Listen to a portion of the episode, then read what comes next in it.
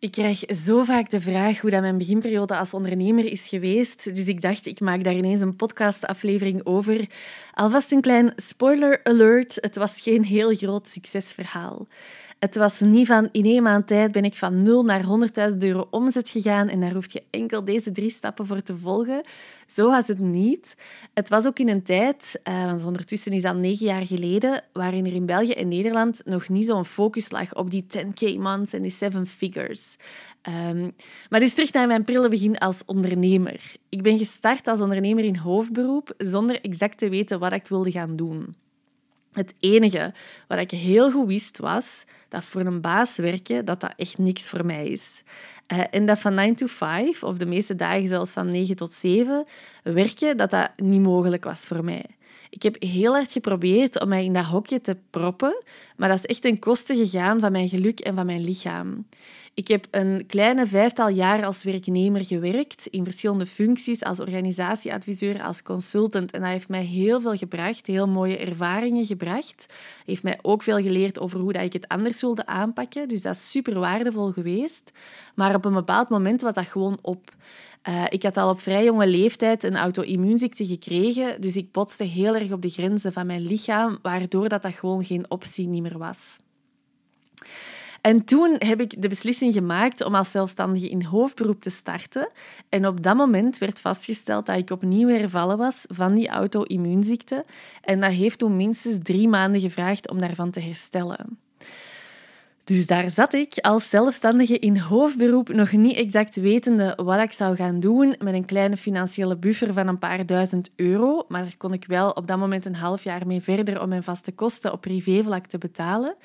Uh, maar ik kon helemaal niet veel doen, omdat ik herstellende was. En mijn lichaam gaf heel goed aan wanneer ik over mijn grenzen ging en dat was gewoon geen optie.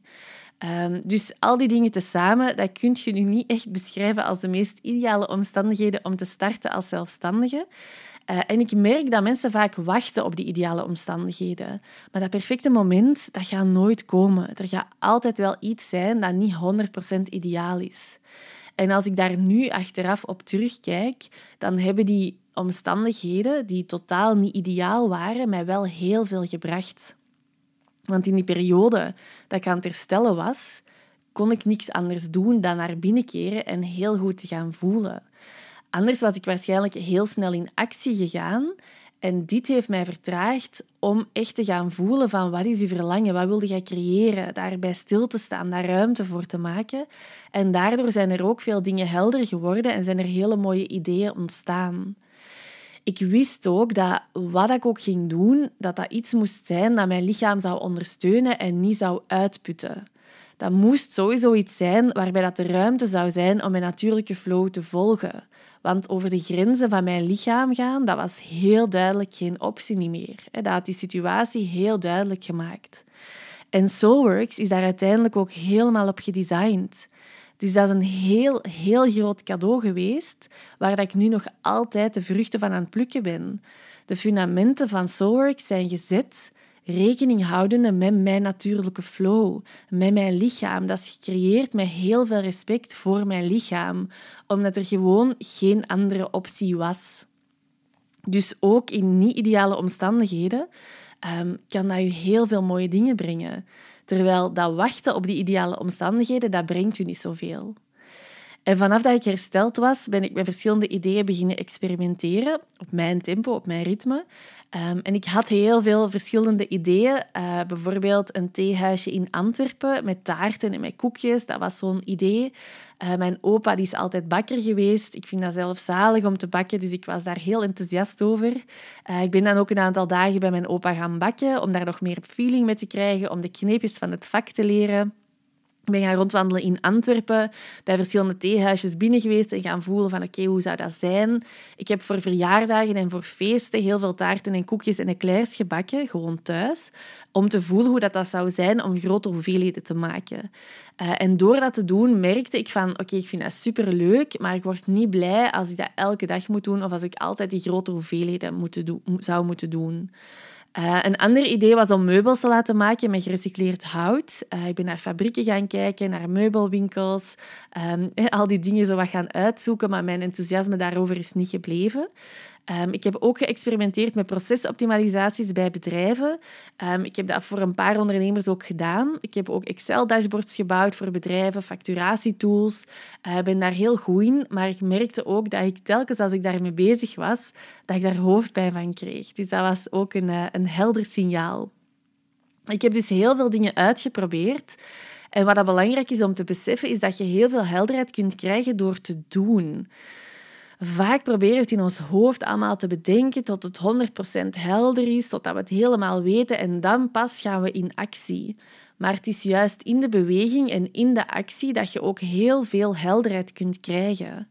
Um, als idee, ik was heel enthousiast over die procesoptimalisaties als idee in mijn hoofd, maar in de praktijk gaf mij dat niet genoeg energie en dat had ik enkel in mijn hoofd niet kunnen bedenken. Het is ook door dat eens een keer te gaan doen, daar eens mee te experimenteren, dat je, dat je eigenlijk heel goed in je lichaam kunt voelen, ah ja, deze is het niet helemaal. Ik voel niet echt die vervulling, ik voel niet echt die voldoening. Um, dus die experimenten zijn daarin wel belangrijk om jezelf die te gunnen. En je hoeft niet voor elk idee waar dat je mee experimenteert een heel bedrijf te gaan uitwerken en een perfecte website te gaan uitwerken. Um, je kunt daarin die experimenten kun ook klein houden. Dus voor die procesoptimalisaties heb ik gewerkt uh, voor mensen uit mijn netwerk uh, die dat op dat moment nodig hadden. Dus ik heb een project gedaan voor een onkel van mij. Ik heb een project gedaan voor een kennis die ondernemer uh, is en die aan het struggelen was met haar processen. dus dat, je hoeft niet een heel marketingplan en een heel salesplan te gaan opzetten. Je kunt daar ook echt werken met, met mensen uit je netwerk. Je laat weten van, ah, ik kan dat, kan dat doen voor een lager tarief. Ik wil daar graag eens mee experimenteren ben daar heel goed in, dus ik kan je daar echt mee helpen. En dan kun je dat echt eens gaan uitproberen en daarmee gaan experimenteren. En dan het idee, want er zijn naast deze ideeën zijn er nog allemaal ideeën geweest waar ik experimenten rond heb gedaan. Maar dus het idee waar ik uiteindelijk echt voor gegaan ben, is loopbaanbegeleiding. Uh, ik had in de jaren daarvoor al verschillende coachopleidingen gevolgd. Ik heb psychologie gestudeerd, dus dat lag ook helemaal in mijn interesseveld. Ik vond zalig om te doen. Uh, initieel kwamen er zowel werknemers als ondernemers bij mij, maar ik merkte dat ik helemaal aanging bij die ondernemers en dat ook meer en meer ondernemers de weg vonden naar mij. Uh, dus dat is ook het moment geweest dat ik echt heb gekozen om met ondernemers te werken en mijn bedrijf daar ook volledig op te richten. En zo is Soulworks geboren. Um, dus ik had dat op voorhand in mijn hoofd ook niet bedacht. Dat is ook wat organisch zo gegroeid. Van, ah ja, ik, uh, ik heb hier loopbaanbegeleiding met werknemers. Dit is mijn ondernemer. Wauw, deze vind ik echt helemaal zalig om te doen. Ik ga daar helemaal van op aan. En zo, um, je merkt dat ook door dat te doen. Um, dus uh, ja, ik, ik merkte ook in mijn begeleidingen hoe krachtig dat die combinatie van business en soul was. Uh, ik stak dat er van nature in, omdat dat voor mij een heel logische combinatie is. Als je een krachtig bedrijf wilt creëren, waar dat je zelf ook voldoening uit haalt, ja, dan heb je business en soul nodig. Dan heb je die combo nodig. Je vertrekt vanuit het soulstuk, vanuit de bezieling die dat jij voelt, want dat is een enorme krachtbron. Dat werkt als een magneet. Een bedrijf met soul, dat is gewoon veel aantrekkelijker. Dus we vertrekken altijd van dat soulstuk en dan voeg je daaraan stevige businessfundamenten toe, die ook heel noodzakelijk zijn stevige businessfundamenten die helemaal passen bij wie dat jij bent als ondernemer zodat dat ook heel natuurlijk voelt, uh, zodat dat ook helemaal klopt voor u. Uh, en van bij de start van Soulworks werk ik al op die manier. Uh, dat is een combinatie die, die er bij mij altijd heeft ingezeten, uh, maar waar ik wel heel veel commentaar op heb gekregen. Want ik heb dus zelf enerzijds psychologie gestudeerd en verschillende coachopleidingen gevolgd. En anderzijds heb ik toegepaste economische wetenschappen gedaan en een master in management. En als mensen dat wisten of ze hoorden dat, dan was dat heel vaak van oei, dat is een rare combinatie. Dat past toch totaal niet samen. Het is alsof je niet kunt kiezen. Ja, wilde nu iets gaan doen met psychologie of wilde nu in een bedrijf gaan werken? Wat is nu? Wat wilde nu? Je kunt precies niet kiezen. En dat heeft me echt heel onzeker gemaakt. Maar het is wel die combinatie waar ik altijd heel hard in geloofd heb, uh, maar dat ik gewoon nergens als combinatie terugvond. Dus in geen enkele studierichting en in geen enkele job kon ik echt die combinatie terugvinden als gelijkwaardige elementen. Dus vaak wordt er heel veel nadruk gelegd op soul en een klein beetje op business of andersom. Maar echt als gelijkwaardige combinatie kon ik dat nergens terugvinden. Dus die combinatie heb ik uiteindelijk zelf samengebracht in Soulworks. En nu ben ik toch niet de enige die die combinatie waardevol vindt. Dus ook in dingen die mensen initieel misschien totaal niet begrijpen, ook in die dingen kan goud zitten. En vaak juist in die dingen kan goud zitten. Dus de visie dat jij voor je ziet, die ziet jij niet zomaar. Daar mocht je echt voluit op gaan vertrouwen. En dat is ook belangrijk als ondernemer dat je daar voluit op gaat vertrouwen, ongeacht van wat de mensen in je omgeving daar ook van denken. Ik heb op zoveel dingen commentaar gekregen van zouden dat wel doen? Zouden wel zoveel spreken over soul en over bezieling, want mensen gaan dat te zweverig vinden en ze gaan je niet meer serieus nemen op businessvlak. En ben jij wel gemaakt om te ondernemen? Want dat is echt wel een harde wereld en dat gaat u misschien niet lukken. En wat als u dat niet lukt? Allemaal van die dingen.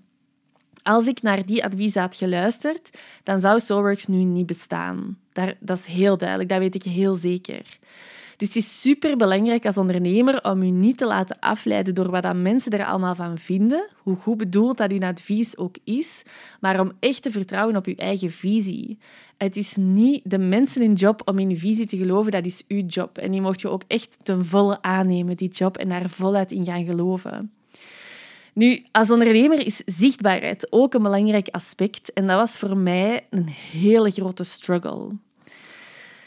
Ik heb iets meegemaakt toen ik ergens midden twintig was, waardoor ik me heel, heel onveilig voelde om mij zichtbaar te maken. Ik heb daar ook serieus over getwijfeld om het niet te doen, omdat ik er zo, zo bang voor was.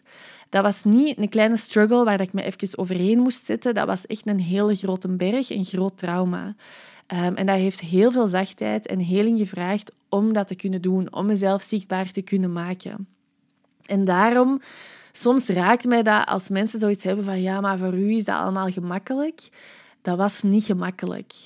Dat heeft echt heel veel moed van mij gevraagd om die stappen te kunnen zetten. Ik had een megatrauma op zichtbaarheid. Ik had geen grote financiële buffer. Ik wist niet exact wat ik zou gaan doen. Ik moest enorm hard rekening houden met mijn lichaam en mijn energieniveau. Ik had geen backup plan, want terug gaan werken voor een baas in een 9 to 5, dat was geen optie niet meer. Dus dat was niet gemakkelijk en dat heeft echt heel veel moed gevraagd. Maar ik was bereid om te komen opdagen. En dat is het allerbelangrijkste. Het is voor niemand gemakkelijk. Het lijkt voor anderen misschien gemakkelijker, maar iedereen krijgt echt zijn eigen uitdagingen voorgeschoteld. De vraag is of dat je bereid bent om te komen opdagen. Op financieel vlak weet ik nog heel goed dat ik mijn berekeningen had gemaakt en dat ik had uitgerekend, oké, hoeveel moet ik netto verdienen om al mijn privékosten te kunnen betalen? Dus mijn lening, mijn eten, nutsvoorzieningen, al die dingen. En ik had dat zo berekend dan, oké, van oké, wat moet mijn omzet op jaarbasis zijn om die kosten te kunnen betalen en zo verder. Dus dat had ik allemaal in kaart gebracht. En dat is iets wat ik sowieso aanraad aan elke ondernemer om dat helder te maken, dat je exact weet van oké, hoeveel omzet moet er elke maand binnenkomen, zodat ik alles netjes kan betalen. Dus ik wist exact hoeveel loopbaanbegeleidingen ik daarvoor moest doen per maand. En dan wordt dat ook heel concreet en dan kun je daar ook actie op ondernemen. En op het einde van het jaar had ik exact dat netto bedrag wat dan nodig was hè, om alles te kunnen betalen. En ik was daar heel, heel blij mee. Dat was niet superveel. Ik weet niet meer exact het bedrag, maar dat was echt gewoon een... een dat, was een dat loon lag toen lager dan wat ik had in, in, um, gewoon als werknemer. Maar ik was er zo blij mee, want ik voelde mij ongelooflijk vrij. Ik hoefde niet voor een baas te werken. Ik deed een hele dag wat ik super graag deed, ondernemers begeleiden.